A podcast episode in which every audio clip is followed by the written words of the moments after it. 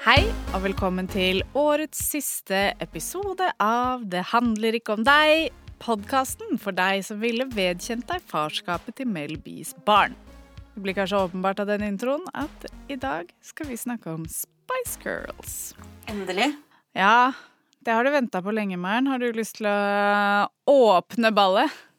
Nei, altså For meg så trenger ikke Spice Girls noen sånn spesifikk aktualitet. For for meg er Spice Girls alltid en aktualitet. Men vi tenkte vi skulle ta utgangspunkt i dokumentaren fra Channel 4, som nå ligger på NRK. Den heter eh, Spice Girls How Girl Power Changed Britain. Eh, Men jeg tror den internasjonale tittelen er The World i stedet for Britain. Av åpenbare grunner. Den ligger da i tre deler på NRK hvis noen har lyst til å se den, og det bør de ha. Og jeg har sett den. Jeg har sett den to ganger. Du har sett den. Kanskje bare én gang fordi du er normal. Ja, jeg har, jeg har bare sett den én gang. Um, men um jeg koste meg stort, altså. Jeg gjorde det. Den var, den var, den var bra, den.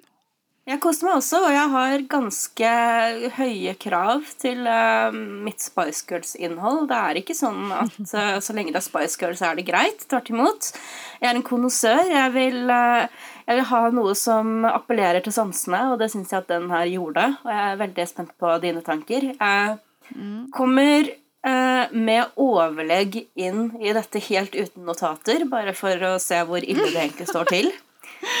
Men da vil jeg gjerne intervjue Da vil jeg gjerne at vi starter dette med at jeg bare intervjuer deg. eh, Med om- glede. Eh, som en av Norges eh, ivrigste Spice-fans. Nice, takk. Eh, hvor startet din eh, hvor, det, hvor, hvor startet din Spice Girls-reise? Hvor var du? Hvem identifiserte du meg? Hvilken Spice var du? Det er det viktigste. Eh, hvilken spice Vet du hva? Det, jeg tror jeg på en måte identifiserte meg mest med ginger, men det var alltid baby som var favoritten likevel. Uh, jeg syns ikke at man nødvendigvis trenger å identifisere seg med samme spice som er favoritten. Faktisk er det navlebeskuende. Så oppvakt som jeg var Nei da, det var mest tilfeldigheter. Eller, nå er jeg voksen, og nå skjønner jeg jo at jeg var forelska i Baby Spice. Det gjorde jeg ikke da jeg var elleve. Eller ni. Ni var jeg vel faktisk da jeg Ja, det var jo ni år jeg var. Uh, da jeg fikk, uh, fikk uh, Spice-albumet i presang av min tante, og der begynte min reise. Det er en dyp innsikt å komme til det Jeg ser for meg at dette var et aha-øyeblikk. Det var, nei, det var et Spice Girls-øyeblikk. Fy faen. Ja, nei, altså da var jeg ni år, og nå, nå er jeg en eh, 45 år gammel far, som du kan høre. Men eh, altså, jeg tror de fleste, spesielt jenter i vår alder, var Spice Girls-fans på det tidspunktet, sånn jevnt over. Så det var ikke noe sånn spesielt med akkurat det, men jeg var selvfølgelig hun der på skolen. Altså hun, hun, hun Spice Girls-fanen. Jeg var ikke en av Spice Girls-fansene, jeg, jeg, jeg var hun der. Og det, det bærer jeg med stolthet en dag i dag. Det har ikke endra seg. Hva med deg? Var du, var du på Var du på Spiceren? Jeg var på Spiceren, jeg var det. Eh, men det var ikke Spice Girls som var den mest definerende gruppen i min barndom. Eh, men de var veldig store, de var veldig viktige. Eh, og jeg tror jeg hadde en litt sånn samme greie som deg. Fordi jeg, i ettertid, så husker jeg det som at jeg eh, identifiserte meg mest med Posh Spice. Eh, Og ikke fordi hun var Posh, men fordi hun var mest goth. men, men jeg tror altså, altså Som eh, Mitt ytre vesen som barn var jo selvfølgelig mye mer Emma enn enn Porsche. Eh, så om jeg liksom Jeg begynte å lure på det nå når du sa det, om jeg har på en måte innbilt meg Eller jeg begynte egentlig å lure på det tidligere i dag da jeg prøvde å skrive ned dette. For jeg innså at det føltes ikke helt autentisk å si at jeg faktisk der og da var mest opptatt av Porsche Spice. Eh, selv Det var liksom Det tror jeg var på privaten, liksom. I det skjulte, for meg selv. Ja. At det ikke var så åpent eh, Porsche. Men det husker jeg altså ikke helt. Kanskje det, det kan ha vært et lite barnecrush. På Porsche? Ja, Er det det du sier, eller bare øh, ønsketenker jeg øh, våre små Jeg tror, eh, jeg tror mer det er mer sånn eh, eh, et tegn på splitt personlighet i tidlig Ja, ok. alder. Fair nok. Mm. Men eh, Og når jeg så dokumentaren nå, så eh, Eller Nei, det er faktisk eh, en liten stund siden hvor jeg hørte en podkast om eh, livet til Jerry Halliwell. Eh, at Mhm. jeg eh, innså Eller hvor jeg ble, jeg ble sjokkert av at liksom på, hele hypen varte bare i to år. Det føltes Eh, så og det mye tror jeg det er et barn Ja, det føltes som ti år. Altså. Det tror det er eh, en jente i dokumentaren som sier akkurat det samme, at dette, det, det er helt sykt at det bare har gått to år, for det føles som ti. Mm. Og det gjorde det virkelig. Ja, det gjorde det. Det det er liksom Det er en blanding av hvor overeksponerte de var i det tidsrommet. Altså, Jeg syns selvfølgelig at de bare var akkurat nok og kanskje litt for lite eksponerte. Det er ikke det, men sånn, hvis vi skal være litt mer, ob eh, litt mer objektive, da. Eh, det, og selvfølgelig at når du er ni eller åtte år, så er selvfølgelig to år en mye større del av livet ditt enn det er når du er voksen, for da går to år ekstremt mye fortere. Det er et veldig godt poeng som jeg eh, ikke har lyst til å tenke på. Nei, det, vi, vi trenger ikke å gå noe mer inn på det. Eh, Men, eh, men ja, det føltes som veldig mye lenger, altså, fordi de slapp Wannabe sommeren eh, 1996, så det er 25-årsjubileum i år, som også er hvorfor eh, denne dokumentaren har kommet akkurat nå, og hvorfor de kjører veldig hardt på nytt merch akkurat det året her. Ja, 96 var da de slapp første singel, og det var mai 98 at eh, Ginger slutta. Så det er Wow. rett og slett bare en Var det mai? på- Det var mai. Jeg trodde det var på høsten. Nei, det var i slutten av mai. Jeg husker det veldig godt, fordi første For det var det i Oslo, da! det, Ja, og det var jeg òg, og det var ikke Jerry. Åh, var det skuffende? Eh, at hun ikke var der, ja, men jeg tror ikke jeg likte konserten noe mindre av den grunn. Nei. Selv om det var litt sånn Det føltes på en måte litt ukomplett, men ikke på en måte som var relevant nok til å forringe opplevelsen. Litt som at Du var ikke så ja. bevisste he- på den måten, liksom? Nei, man, man glemte det litt når showet var i gang, for da var det på Spice Cult-konsert. Og det var jo for første gang i mitt liv, selvfølgelig. Eh, Men altså, de er så flinke til å kompensere, og det ble jo nevnt i dokumentaren også, da Ginger hadde havna ut av gruppa. Det føltes nesten som hun ikke hadde vært der når man så dem på scenen. Um, I lengden så funka det jo åpenbart ikke. Det albumet uten henne var ikke så bra, og sånn, men de, de klarte likevel å fylle tomrommet. Og det gjorde de også nå i 2019, da de hadde en liten gjenforeningsturné uten Porsche. Hvor Ja. du rett og slett ikke tenkte over at Porsche ikke var med. Eh, Jeg bare så den i Manchester, og det var så rart, for da var jeg liksom um, engasjementet mitt for Spice Girls går kanskje litt sånn opp og ned, selv om det er vedvarende. Og så dro jeg dit bare i den tanken at ja, det blir sikkert gøy liksom bare se dem igjen, men jeg hadde ingen sånne store forventninger sånn egentlig. Men så var det fy fasan så bra. Jeg gråt fra liksom første til siste øyeblikk uten at det var meningen. Er det sant? Det bare skjedde. Det var en sånn Wow. voldsom greie. Og jeg hadde Jeg så ikke det komme, for jeg bare Jeg bare sto der og tenkte ja, ja. Da, det, det er sånn Det her blir gøy. Men eh, nei, det var sånn emosjonelt overveldende på en måte jeg bare ikke hadde Og så var det også et sånn genuint bra show. Det var sånn perfekt blanding av Spice Girls-nostalgi og oppdatert nok til at det ikke ble kjempekleint. Litt nye innpakninger, men ikke så mye at det fremmedgjør de som er der for 90-tallsnostalgien. Så jeg håper den kommer på, på Blu-ray, fordi jeg tror mange kommer til å tenke at eh, ja, Eller streaming. altså Jeg vil selvfølgelig ha hardcopy. For tenk om altså, du, Nå har jeg kommet meg gjennom en helg uten internett. Internettet mitt forsvant. Ah. jeg, eh, så jeg sier nå Blu-ray, fordi det hjelper ikke meg hvis det, jeg havner i den situasjonen igjen, og den bare ligger på eh, YouTube eller HBO eller hvor enn den er. Men uansett, Kan jeg håper den slippes. det. Jeg skjønner. Jeg skjønner.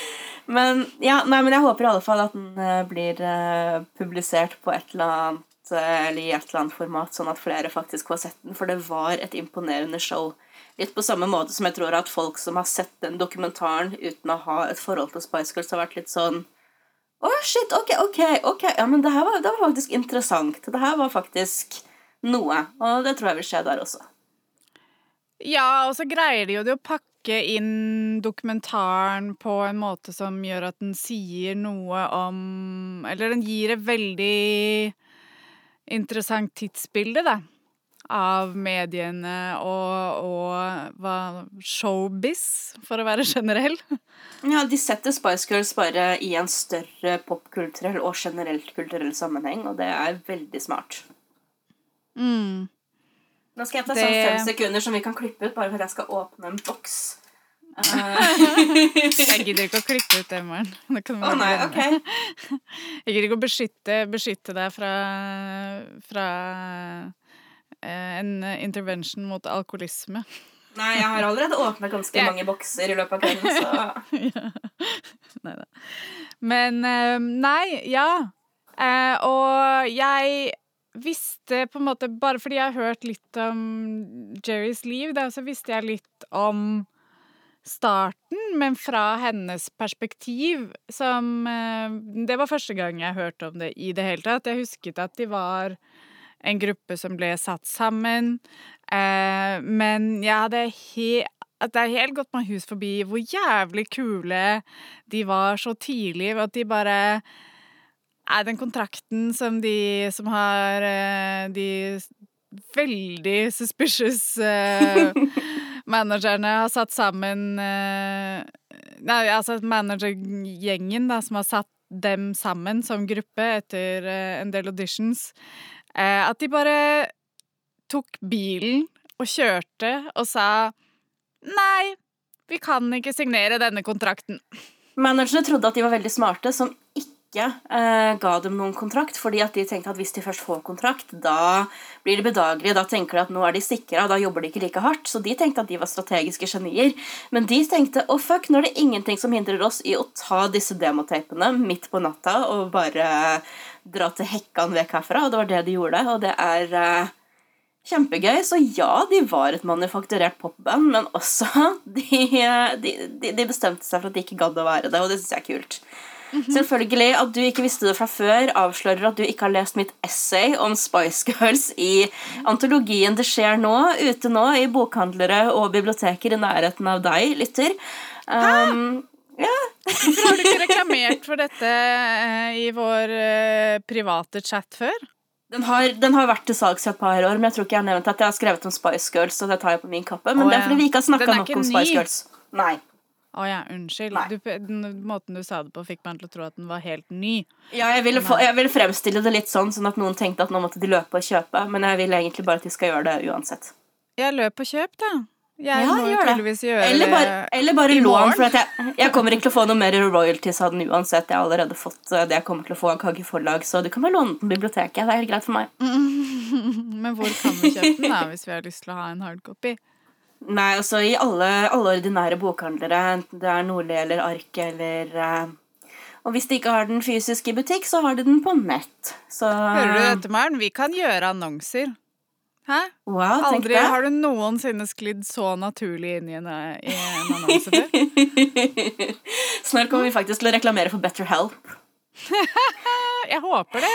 De har tydeligvis jævlig mye penger, og jeg kan godt få noen av de. Eller så pleier jeg også En, en sponsordeal jeg vil ha, er uh, Myk. Uh, sengetøyet Myk. For det er for oh. dyrt til at jeg vil kjøpe det selv, men jeg vet at de er ganske harde på podcast-annonseringen. Er det noe jeg kan, så er det å sove. Så jeg mener Ja. hvis de trenger noen som uh, okay. har mye erfaring med å være i seng Jeg Så- hooker det i morgen, morgen. Sweet. Eh, ikke tenk på det. Jeg har for, for øvrig, for eh, en liten smakebit, jeg har myk sengetøy. Det er det mykeste sengetøyet jeg noen gang har hatt. Og det er sånn at jeg har ikke lyst til å ha på meg T-skjorte av bomull når jeg ligger i det sengetøyet, fordi det ødelegger opplevelsen av det sengetøyet mot huden. Vet du hva, Jeg skal nå i kveld eh, ligge i myk sengetøy for første gang i hele mitt liv. Wow. Eh, men det jeg egentlig ville si, det var at altså Jeg har jo bytta da sengetøy jeg vanligvis pleier å bruke. Skal jeg fortelle hva slags sengetøy det er? Ja, fortell. Spice Girls. Åh, selvfølgelig. Ok, Men det er en utfordring til myk.no om å lage Spice Girls-sengetøy Det er faen meg sant. asap. Asap. Og det kjøpte jeg for, eh, for pengene jeg fikk til jul og bursdag i 1997. Og det kosta 930 kroner den gangen. Tenk så jæskla dyrt det var. Det er jo nesten like dyrt som myk sengetøy. Det er faktisk dyrere, tror jeg, inflasjonsmessig. Så Men ja, nei, jeg hadde Spice Girls sengetøy. Jeg hadde Spice Girls tapet på hele soverommet mitt. Det Um, er jo veldig funny, apropos bare at eh, det var så dyrt, fordi det var en av journalistene i dokumentaren som ehm, Han sa at Eller om det var Nei, det var hun! Hun med det korte håret. eh, ja, Miranda eh, er Sawyer, tror jeg hun. Ja, med Sawyer. Hun er Unnskyld, eh, nå journalist. Å ja. Eh, ja, hun heter Miranda Sawyer. Det var hun som snakket om uh, dette. Hun sa også at uh, de var kapitalistiske, og de spilte kapitalistiske spill. Det gjorde de veldig. Og det gjorde de. Jeg syns det bare var så utrolig Eller hun ja, de, ja, Jeg vet ikke, de klippet det på en eller annen måte Eller hun bare sa det på en måte som fikk henne til å Det føltes bare så corny når hun sa det. Hun sa mange sånne ting som var litt Ja. sånn Hæ, hva? Men det er jo ikke til å komme unna når man faktisk skal snakke om Spice Girls, at eh, de skodde seg som et helvete på en veldig ung eh, fanskare som ingen egentlig hadde skodd seg på. For det at, eh, de var litt yngre enn eh, tenåringsfansen, og de var i en gruppe hvor det var foreldrene som betalte, og foreldrene hadde mer penger enn tenåringene hadde, som kanskje måtte liksom kjøpe litt sånne greier selv for ukelønn og sånn, mens eh, er du sju, så det, de, de visste nøyaktig hva de drev med. Og som de jo nevner i dokumentaren, det hadde jo ikke eksistert sponsorater på det nivået før. Kanskje store sponsorater enkeltvis, ja, men mengden er jo helt sykelig når det gjelder Spice Girls. Det, det kan man bare ikke stikke under en stol i det hele tatt. Og det var utspekulert. Ja, til og med Emma, når hun var ferdig med Spice Girls. Så det var, tror jeg var i siste episoden som handler litt mer om, eh, om de hver for seg, da. Men hun gjør et intervju på en eller annen radiokanal, og så plutselig så bare kommer det inn en sånn Det er rett før jul, det kommer inn en sånn toppløs mann. Eh, eh, med nisselue og deler ut Diet Coke, og hun bare 'Nå er det Diet Coke break'. det, det tror jeg aldri har skjedd på norsk radio.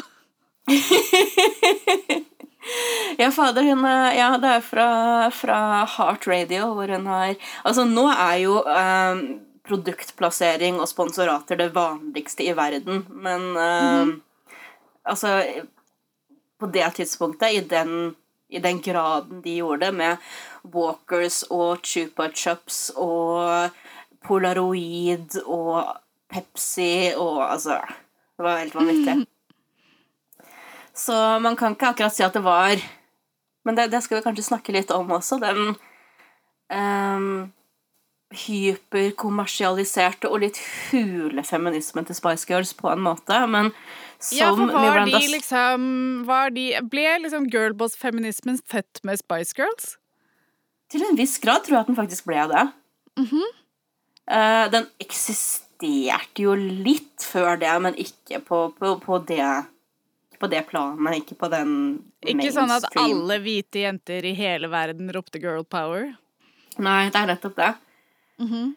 Uh, og det må det være mulig å kritisere, samtidig som man, uh, man setter veldig dyp pris på det. Men en viktig ting da, som uh, nevnte Miranda Sawyer også sier, det er at den type slagordfeminisme, den litt sånn enkle typen feminisme, den kan være en gateway til hardere stoffer. Og, og det, det var den jo for meg etter hvert. Det var, det var ikke direkte fra Spice Girls til feministisk teori. Um, Nei, definitivt ikke. Det var, altså, det var ikke engang fra, fra Spice Girl så hadde jeg en backlash som varte egentlig hele tenårene. Og fram til jeg ble 21, kanskje. ja, vi kommer til å snakke om våre cool girl-dager på, på et eller annet tidspunkt.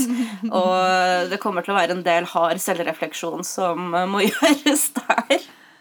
Jeg skal Ja, jeg, altså, jeg sa Eh, jeg tror jeg erklærte meg mannssjåvinist, jeg. Jeg tror jeg erklærte meg antifeminist. Ja, ikke sant? Så uh, det er liksom Det var ikke fra det ene til det andre, men um, i, i, I retrospektiv da, så er det vanskelig å si hvor mye av min nesten internaliserte feminisme som stammer fra Spice Girls, fordi jeg tvilte aldri på at jenter kunne ta plass og si det de mente, og være litt sånn Spice Girls. For det, jeg, jeg var vokst opp med dem, så det var helt vanlig for meg. Men jeg vet jo ikke Og det er jo noe de snakker om i den dokumentaren nå, da. At eh, det vi så Altså, de jentene som var litt sånn foregangsfigurer for oss, det var jo jenter som bare prøvde å gjøre akkurat det samme som gutta. mm, Eh, og det er min oppvekst veldig preget av. Samme. Eh, og ja, litt også, Det tror jeg også preger eh, hun eh, Marte Antonette, guttene som snakker om gutt mot verden, som vi snakket om i forrige episode. Eh, som er veldig opptatt av å liksom understreke det at hun hadde bare guttekompiser, da. Mm. Og jeg har alt Ja.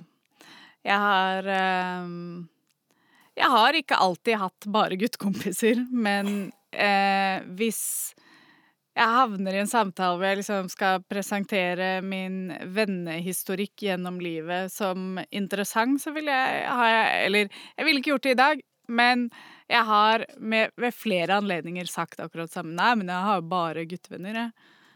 Nesten bare guttevenner, liksom. Men Ja, er, det når jeg har hatt bare gutt... er det i de periodene vi har hatt mest guttevenner, jeg har hatt det bra? Nei. Kanskje ikke? Nei. Nei, det er faktisk ikke det. Altså. Jeg tror jeg ganske konsekvent har hatt flest guttevenner, men de næreste vennene mine har vært konsekvent eh, kvinner. Mm. Og det tror jeg det- egentlig ikke har endra seg.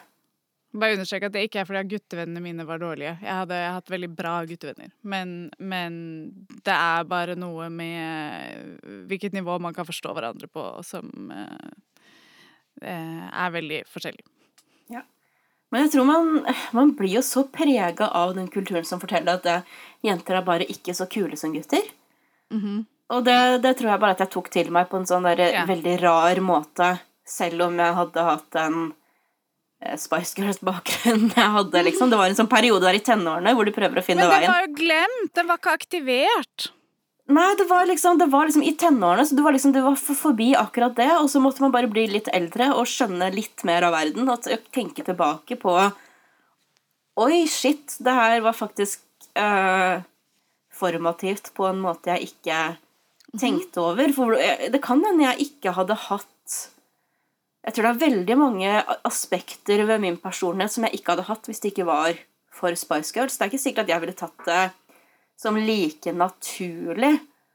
eh, at eh, jenter kan være hvordan de vil og være bråkete og sånn, hvis jeg ikke hadde hatt det med meg. Men det, det, det er vanskelig å si når du ikke har mulighet til å liksom sammenligne med hvordan det ville vært uten. Men jeg, jeg har tenkt en del på det.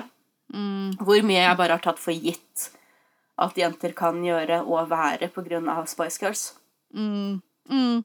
Det er veldig det, Ja, nei, det er funny. Uh, jeg bare kom på hun, hun er veldig vicious, hun lille jenta som slakter Spice Girls for å gjøre feministiske slagord til, til å, for å tjene penger, liksom.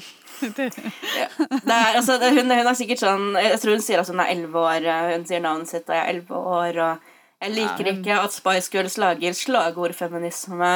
Um, Og hvem Eh, lærte henne? Det var, ja, det var sånn det høres veldig sånn- Men, men altså, good for her. Jeg, jeg, hun, eh, Ja, ja. hun hadde rett. men, men det er jo også en annen ting. Da. Det er sånn, selvfølgelig så kan du ikke Altså, du, du, du, du kan ikke gi en tiåring Judith Butler. Sorry, du kan ikke begynne der. Du, må absolutt ikke. begynne et sted. Det må du, og um, Nei, den reisen er viktig, altså. Og det, jeg er veldig opptatt av at folk skal få ta den reisen i sitt tempo, for ellers så Ja. Ellers så skjer det kanskje ikke i det hele tatt. Men politisk Eh. bevissthet er jo mer eh, mainstream nå enn det var da. Så jeg tror at liksom de små jentene nå, sine kvinnelige idoler nå, de er mer aktivt feministiske eh, utad også enn en det Spice Girls var, selv om heller ikke de er sånn tungt teoretisk feministiske. Så, så der har man jo en sånn Men, men det er liksom Det er 25 år imellom. Det er salgbar feminisme, det også. Det var vel egentlig bare Ginger eh, som i det hele tatt tok ordet feminisme i sin munn, tror jeg, på den tiden. Gjorde Så- hun det? For det Ja. mener jeg at hun har sagt at hun ikke er. Nå vet jeg, nå må jeg google. Eh, Nei, hun, hun, det er også sånn arkivklipp eh, i dokumentaren hvor hun sier at de har tatt 60-tallsfeminismen og ført den inn på 90-tallet. Og så Mm. er det jo selvfølgelig en eh, ikonisk scene i den like ikoniske filmen Spice World the Movie, hvor eh, eh, jenten Hør meg. Hæ? Jeg må Hæ? avbryte deg. Ok. Jerry Halliwell calls feminism bra-burning lesbianism. I Når? 2007. Ja, i 2007, ja. Det kan hende nok komme dit nå. Altså, Jerry har blitt mer og mer konservativ. Jeg tror hun har faktisk vært Ah, ja. sånn oppriktig blitt Tory. Uh, Har hun det? ikke- Ja, ja. Uh, og det her er uh, Få se um, Men vi kan begynne med uh, nevnte ikoniske scener i Spice World the Movie hvor jentene kler seg ut som hverandre, og Mel B kler seg ut som Jerry. Og for å imitere Jerry, så sier hun bare sånn bla, bla, bla, feminism, bla, bla, bla, fordi Jerry snakka faktisk om feminisme på det tidspunktet her. Men det var en stor kontrovers som ble nevnt så vidt i eh, dokumentaren. Det er eh, Og det var sånn jeg lærte hvem hun var, fordi Ginger Spice sa at den første Spice Girl var Margaret Thatcher. Wow! OK! Og da, altså, da var det backlash. Det var eh, Men jeg husker det kom fra et intervju som jeg har lest i voksen alder, som jeg syntes var veldig gøy, for da var det en mann selvfølgelig, som skulle intervjue dem, og han liksom åpna med at å, han skulle han skulle møte disse fem popjentene, og han var så skeptisk, for han tenkte at disse kom bare til å være dumme nikkedukker. Og så snakker han med dem, og så har de de samme litt sånn reaksjonære politiske meningene som han selv har. Og da var det ikke måte på. Å, de er så intelligente, og de er så smarte, og de er så kule. For da var eh, det var det mest Porsch, tror jeg, som snakket politikk, som eh, var veldig litt sånn mot, eh, mot EU og litt sånn åpenbar, åpenbar Tory, liksom. Men eh, nei, i stedet for å bekrefte fordommene hans, så var de bare enige med ham. Og du vet at en kvinne som er enig med en mann, hun er veldig intelligent. Og jeg husker at det sitatet kom vel fra det intervjuet, det om Margaret Thatcher, og så ble det stor Wow. ståhei. Men det er jo liksom Men det var en ting hvordan, som ble morsomt. Ok, så, ok, men fordi at grunnen til at hun sier det da i 2007, er at hun har blitt shamet for kroppen sin, og at hun eh, kler av seg hele tiden da, Ja. i noen år, og så sier hun det. Ja, nei, men det, det gir jo veldig mening, for det var jo ikke akkurat eh, den helt samme kroppspositive feminismen på 90-tallet. For det var jo da et intervju som Jeg tror ikke jeg hadde sett akkurat det før, men fra sikkert 1996-1997, da det først kom frem at hun hadde en eh, fortid som oh, nakenmodell, som jo veldig, var veldig juicy og grusomt eh, på den tiden. Ja, men Eh, var hun- det det?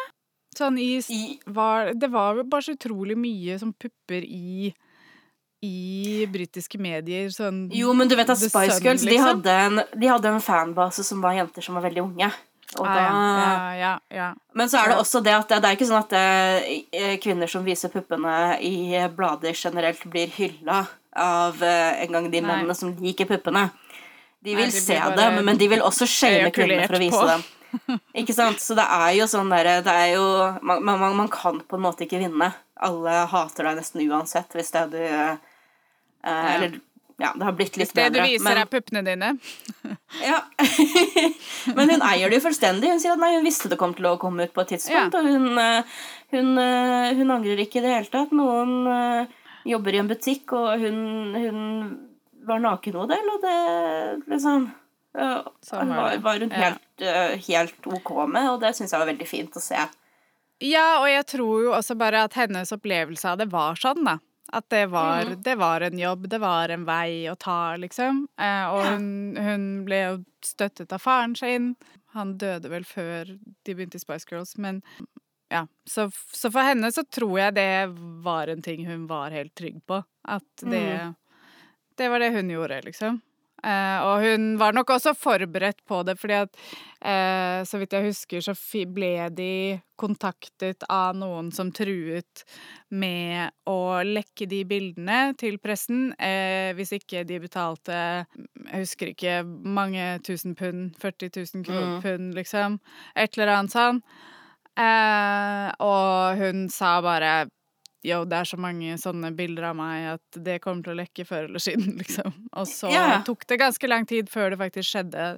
Og vi vet jo også fra dokumentaren og livet at pressen var ikke akkurat nådig mot det med utgangspunktet, så det er jo Du venter jo på Det er, et sånn, det er et damoklesverd av dimensjoner da, å vite at eh, når de bildene også kommer, så kommer det til å være et kjør av en helt annen verden. For det var jo Én ting er å være en tabloidyndling og, og, være mye i mediene, men de var jo så enorme at det er umenneskelig å skulle -hmm. være under det. Mm -hmm. eller under den linsa. Og Jerry var jo den eldste av dem, og hun var 23 da de begynte. Og det er liksom Det er så ungt. Det er helt sykt ungt å skulle forholde seg til noe sånt. Ja, det er helt sykt ungt. Men hun hadde hatt et langt liv før. før det hadde hun. Hun begynte til med alt. Nå, nå, vet jeg, nå er det jo litt tilfeldig at jeg vet en del om henne og ikke så mye om de andre, men, men eh, hun, hun, hadde virkelig, virkelig, levd i en del år mm. før, uh, før, Spice Girls. Ja. Så hun var nok den eldste av de, sånn mentalt. Ja. Uh, og bortsett fra Porsche så var jo alle arbeiderklassejenter. Alle hadde uh, Emma var litt sånn lavere middelklasse, kanskje, men, men de, de, gjorde det de måtte og trengte. Og kanskje Emma Jeg husker du nevnte at uh, i notatene dine så hadde du bare med en sånn liten setning om at de hadde ja, kosebamser.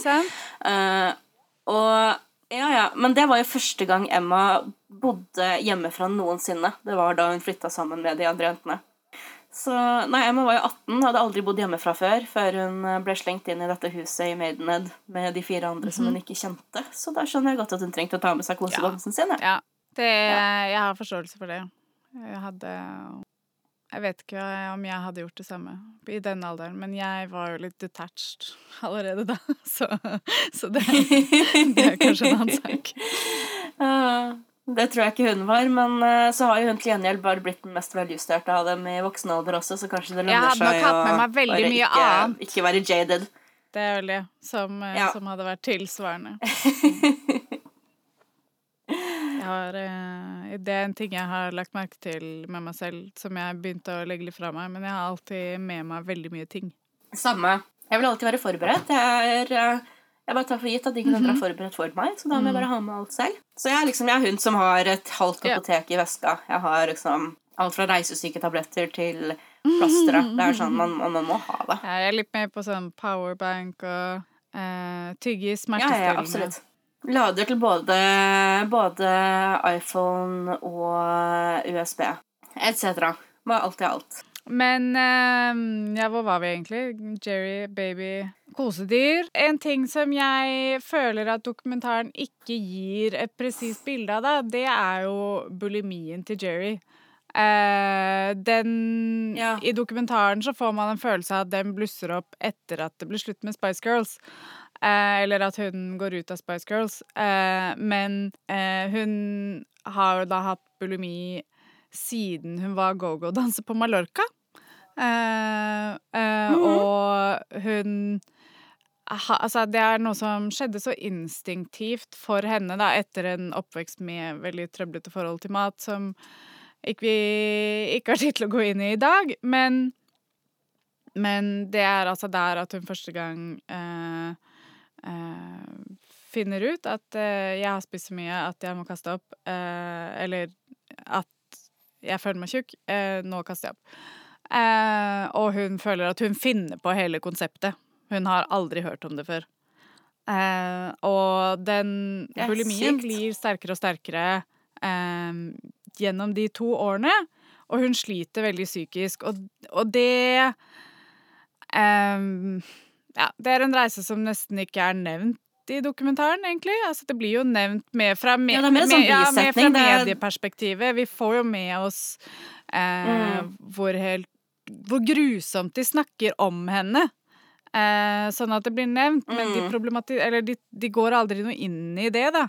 Eh, som en sånn eh, utløsende årsak til hvorfor hun stakk. Eh, og jeg syns det er ganske Nei, det er interessant, fordi eh, det var jo ikke sånn at hun var Det kan jo godt hende at hun var vanskelig, men hun hadde jo sagt allerede september året før Nå, altså, nå er jeg ikke helt sikker på om vi er enige i tidslinjen, men altså, hun hadde i hvert fall sagt en stund før det skjedde, da, at hun tenkte på det. Um, og Mm. de hadde ikke tatt det seriøst. Uh, de Mm. trodde det var en spøk fordi Og det kan man jo på en måte skjønne fordi at de alle hadde kjempet så veldig hardt for å komme dit, og det var deres sjanse, liksom. Eh, sånn at det at de andre syntes at det var en absurd tanke, eh, bare fordi det var litt vanskelig, liksom, det, det, det kan man jo forstå, men Men eh, hun hun var åpenbart veldig ulykkelig hele tiden da, og slet psykisk og hadde Ja, hun var, hun var åpenbart deprimert, eh, og hun hadde Mm. spurt om hjelp med bulimien ganske tidlig i prosessen, og eh, hun fikk det aldri, og så ble det verre og verre. Jeg vet ikke, det er bare Ja, nei, for det eneste Det kommer opp i dokumentaren først, når de snakker om mm -hmm. solokarrieren hennes, da hun eh, raste ned i vekt. det, og som om hun aldri slet med det før, liksom, og hun har åpnet Nei, jo, de nevner det, nevner det så vidt, men det er bare sånn der et gammelt Mm, spøkelse viser seg igjen. ikke sant? Så de anerkjenner at det hun har slitt med det tidligere, men det var aldri Ikke som noe som bare var der hele tiden. Mm, Det var liksom bare ikke en, en, en faktor som de tok opp. Altså, Jeg skjønner tidsmessig og sånne ting, men det kunne jo blitt nevnt bare så vidt som en sånn medvirkende faktor til at hun i det hele tatt ga seg da hun ga seg. Men på den annen side så sa de jo ganske eksplisitt at mye av det var at hun var så nedkjørt av behandlingen hun fikk i media, og det gikk jo mye på det med kropp, men samtidig, det hadde vært enkelt å bare stadfeste veldig sånn eksplisitt Ja, og det er akkurat det at de, de sier De går ikke inn i det. De snakker jo om det, de er inne på det, liksom. Men de sier ikke De fremstiller det heller som at eh, At det førte til uvennskap, eller Mm. at eller, Mm. eller hvis man skal tolke det på en annen måte, så kan man også tolke det som at eh, de antyder at det var sant.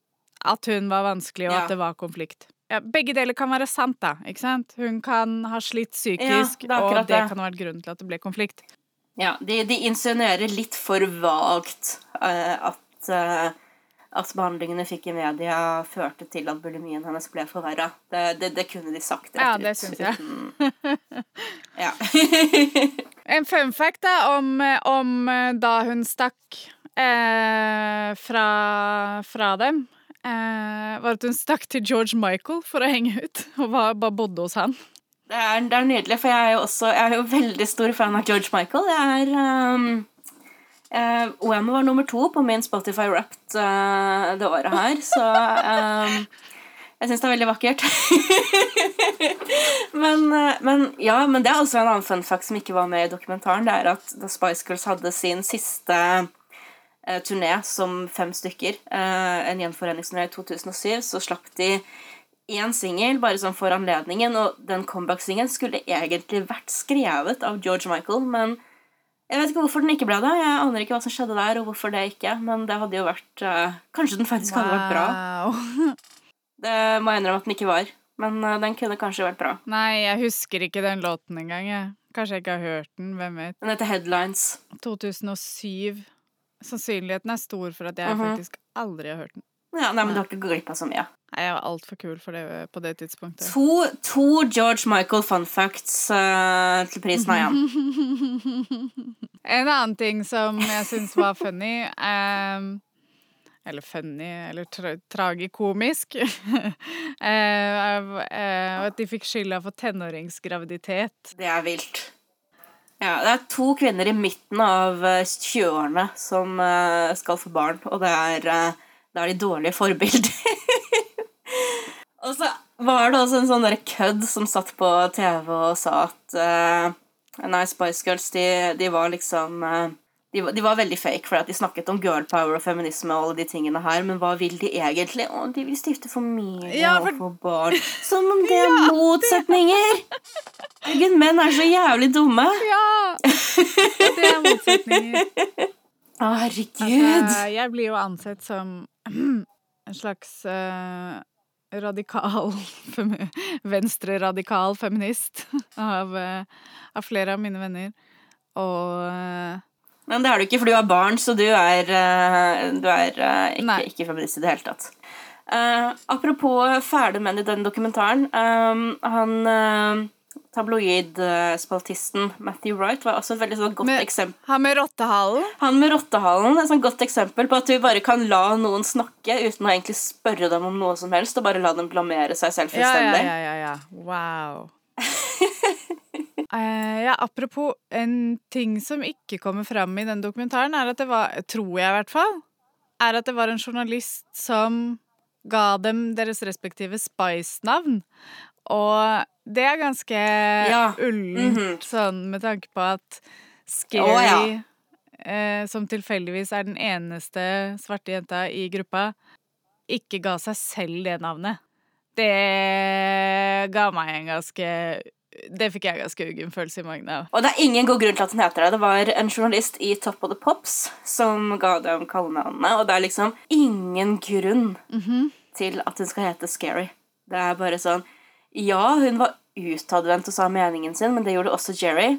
Og alle gir mening. Posh Spice, ja, hun er litt posh baby, og hun var babyen i gruppa, hun var eh, 18 år gammel da de begynte, kanskje bare 17. Ginger var en ginger, sporty, var opptatt av sport. Scary.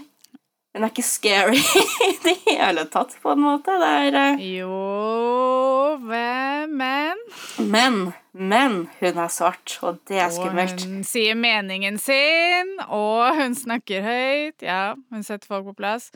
Ganske skummelt. Så skummelt. Det er eh, Så ja, det er eh, Jeg har også sett mange reagere på at hun, eh, hun gikk så mye i sånn leopardmønster og sånne ting at det, det var litt sånn øh, Litt sånn eksotifisering, uh, jungeltype greier. Men det var faktisk oppriktig hennes valg, i motsetning til, uh, til Scary. De fikk faktisk velge antrekkene sine selv eh, i aller høyeste grad. Men Scary Altså, det er eh, Imponerende. Imponerende at det var det de valgte, men ok. Det var en annen tid. Eh, det er Ja, nei, altså 90-tallet var uh, ville motetider. Men jeg syns det var også en fin ting i uh, dokumentaren, selv om de hoppa veldig glatt bukk over akkurat det navneopplegget, at det, det faktisk var en liten bolk som uh, ble brukt på hvor viktig det var at de hadde bare en så enorm mainstream popstjerne som Mel B. eh, som ikke bare var For ofte så ble jo de svarte popstjernene på den tiden De ble kun markedsført mot et svart publikum. De fikk liksom ikke lov til å være mainstream-ikoner på samme Altså, det fantes jo selvfølgelig, men sånn De, de ble så Mm. putta inn i den båsen at eh, nei, svarte mennesker, det var underholdning for andre svarte mennesker og eh, ikke noe annet. Men eh, at Mel Melby faktisk Sånne ting som gjør at Kanye, for eksempel, eh, et utsagn han har kommet med som jeg i aller høyeste grad eh, støtter, er at han han har bare lyst til å bli kalt kunstner. Ikke kall meg rapper, liksom, for Ja. alt jeg hører, er N-ordet. Ja, men Det skjønner jeg kjempegodt. Og jeg skulle, jeg, jeg skulle faktisk ønske at det var litt mer eh, fokus på hvordan pressen kanskje behandla henne annerledes også, fordi hun var svart. Men uh, vi fikk i det minste et lite sånn innblikk av hvordan det var for henne å flytte inn i et rikt, hvitt nabolag og bokstavelig talt få brev i posten om at hun skulle dra tilbake til Brixton type greier, for hun har ikke fått så mye rom egentlig til å, til å snakke om sin opplevelse som svart kvinne i Spice Girls. Hun har skrevet en bok, faktisk. Du har ikke lest den? Det har hun. Uh, nei, vi jeg har faktisk ikke lest noen av selvbiografiene deres, som er uh, sjokkerende. Kanskje, kanskje vi skal lese den? Kanskje vi skal ha en sånn uh, Spice Girls-biografi-bokklubb? Oi, ja, for alle har jo sikkert skrevet bøker.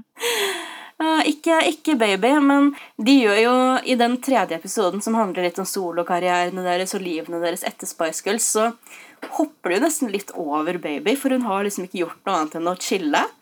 Bare drevet med tingene hun liker, ingen skandaler, livet litt ute av rampelyset. Hun har et, uh, en bedrift som heter Kit and Kin, som mer eller mindre er et engelsk nøstebarn, hvor de bare lager økologiske bleier og klær til babyer, og hun bare koser wow. seg maks, på en måte. Så hun er jo bare veltilpassa, og alle liker henne, og det er liksom Mentalt ikke noe stabil? Fullstendig mentalt stabil. 100 Det er sånn Jøss, yes, går det an? Uh, en gang så holdt jeg på å ta opp et forbrukslån på 30 000 kroner for å kjøpe en av Baby Spice sine kjoler. På auksjon? Ikke, ja, ja, på auksjon, og ikke bare én kjole, men sånn den kjolen som jeg liker liksom best. Som jeg syns Hvilken er det? Det er, eh, det er ikke en sånn veldig mainstream en, egentlig, men det er et antrekk hun hadde på seg i første bolk av deres første livekonsert noensinne i Istanbul. Og jeg husker på den tiden så var hun Da hun kom ut i akkurat den kjolen med akkurat den sveisen hun hadde, med akkurat de matchende bootsene hun hadde Og jeg husker bare at jeg hadde aldri sett noe så pent i hele mitt liv. Og jeg, jeg, jeg ser på henne og syns hun er flott, på en måte men jeg bare husker at akkurat da så var det sånn overveldende at noen kunne være så pen. Så jeg holdt på å kjøpe den, og så tenkte jeg vet du, jeg kan ikke kan ikke gjøre det. Kanskje en vakker dag hvis jeg blir svært rik, men uh, wow. Og så syns jeg også at hun har en litt undervurdert motesans. For det er alltid når noen skal leke Spice Girls, kle seg ut som Spice Girls, så tenker de bare Hei, hvis det er rosa og eller fluffy, så er det Baby Spice. Men det er ikke sånn, for hun hadde en veldig sånn Sånn e-girl-stil? ja, sånn deep-pop-type greie. For det var veldig 60-tallsinspirert. Det var veldig sånne bevisste mm. Empire Wastes og A-lines og go-go-støvler. Og det var sånn veldig sånn Petunia Clark-type mm. Twiggy-estetikk som mm. var veldig sånn gjennomført og bevisst. Så jeg syns hun skal få litt mer kred enn hun egentlig gjør. Det har jeg aldri tenkt på før. Du har helt rett. Så, men, men Baby Spice kler seg selvfølgelig ut som Twiggy i Spice World the Movie. Viktig fun fact, det også. Jeg gleder meg til vi skal se Spice World the Movie sammen. Kanskje vi må snakke om det etterpå. Jeg tror vi må det. Jeg tror vi må ha en Spice Girls episode to. Og kanskje tre og fire, men uh... Hvis vi skal lese alles memoarer, så blir det en uh, lang serie. Vi kan sende Babies First fanmail. Can you, can you please write an, write an autobiography so we can read it for our podcast? Vi må skrive det med den aksenten også. We need, to, we need to know more about uh, your uh, life behind the scenes. I would like to know how to live a life in peace with myself. Would very much appreciate the on beforehand. Thank you.